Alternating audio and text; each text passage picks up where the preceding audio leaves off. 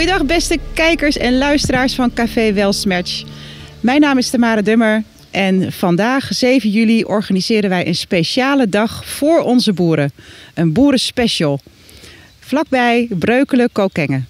Wij zijn te gast op een prachtige locatie, een boerderij. En we gaan de gastvrouw die uh, haar locatie ter beschikking stelt even wat vragen stellen. Om haar even in het zonnetje te zetten.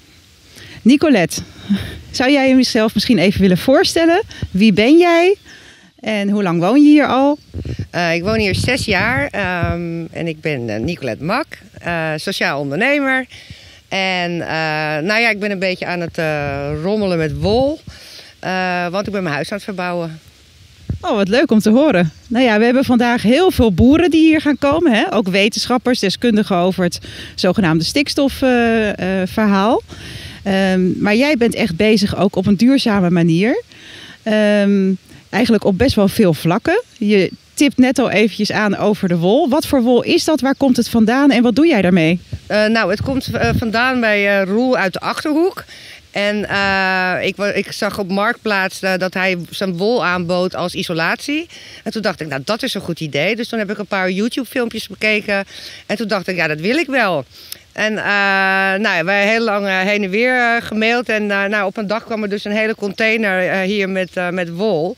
Ja, dat ligt hier allemaal. En het, ja, ik, ik, was voor, eigenlijk voor het eerst van mijn leven dat ik zoiets had van... Oeh, misschien is het toch een beetje te hoog gegrepen. Maar ik heb een heel leuk team met... ja, nu zijn het er vijf, maar het worden er negen. Mensen via Workaway. En die uh, uh, krijgen kosten en inwoning. En in ruil daarvoor uh, helpen ze me vier of vijf uur per dag. En ja, met hun zijn we eigenlijk de wol aan het wassen en ehm, aan het sprayen en aan het drogen. En dan brengen we het in het huis en dan stoppen we het in de muur en het plafond. Zijn dat die zakjes die we zien liggen, die in die oranje en groene netjes zitten? Doe je die dan in zijn geheel tussen de wanden? Ja, inderdaad. Ja. Het, ja, het is gewoon echt het allerbeste materiaal wat je maar kan hebben om je huis te isoleren. Dus het is, en het is natuurlijk, dus het is gewoon heel prettig om mee te werken. Een goed idee zeg, dat niet meer mensen dat uh, idee al hebben opgevat hè? Nou, nou ik denk dat uh, het is best wel bewerkelijk en dat, dat, dat misschien mensen een beetje afschrikt of sowieso. Dat je, dat je denkt van nou ja, je moet toch naar de praxis als je je huis wil isoleren. Maar dat is natuurlijk onzin.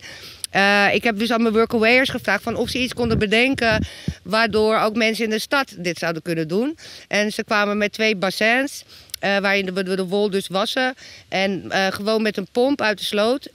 dat kan je dus ook uit de gracht doen. Ja, volgens mij zou iedereen dit gewoon moeten doen. En zeker met die energieprijzen.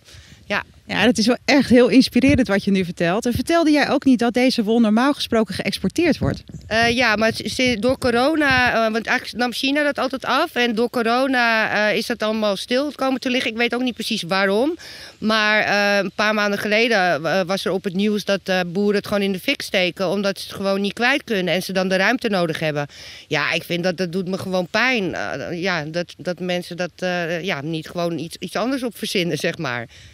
Ja, dat kan ik me voorstellen. Dus eigenlijk is dit ook meteen een oproep aan alle Nederlandse boeren om hier iets mee te gaan doen. Ja, nee, eh, gebruik je creativiteit. En ook gewone mensen die, die een huis willen isoleren omdat die energieprijzen de pan uitvliegen.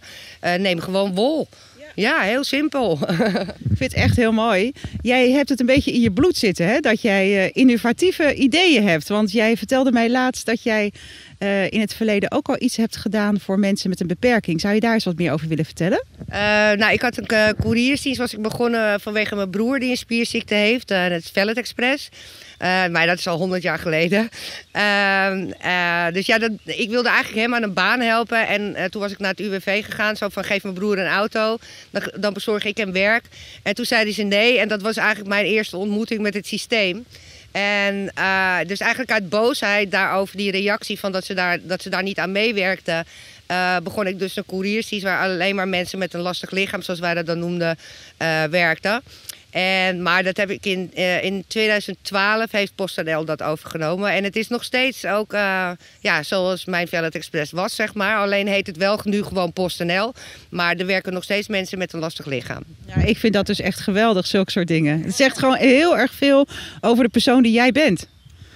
Wat is eigenlijk jouw uh, doel met de boerderij die je hier hebt? Wat, wat is jouw visie? Wat wil je graag voor de toekomst? Nou, ik zou het fantastisch vinden als het een plek uh, wordt waar ik mensen samen kan brengen uit allerlei lagen uh, van de bevolking, zeg maar. Die elkaar misschien normaliter niet zo snel zouden ontmoeten. Uh, maar goed, dat is nog een beetje toekomstmuziek. Eerst maar zorg dat het huis geïsoleerd wordt.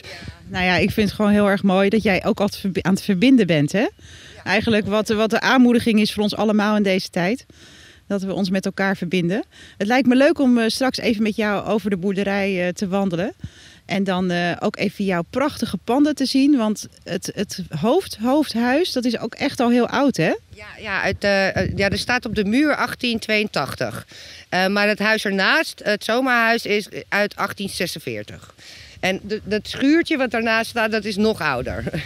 Nou, je hebt daar een hooizolder bij. Je hebt er een sauna in gemaakt. Ja, ja, ja, heerlijk om te relaxen. Ja. En ik zag net dat de mensen die jou helpen, uh, zijn er nu vijf, worden er negen. Ja. Dat die ook gewoon lekker hier kunnen loungen in, in, de, in de verschillende gebouwtjes. Ja. hebben ze ook al uh, ontmoet. En uh, nou ja, het is gewoon heel warm welkom wat we bij jou hebben. Echt super bedankt. Laten we dan even lekker een rondje gaan lopen. Oké, okay, dankjewel Nicolette. Dank.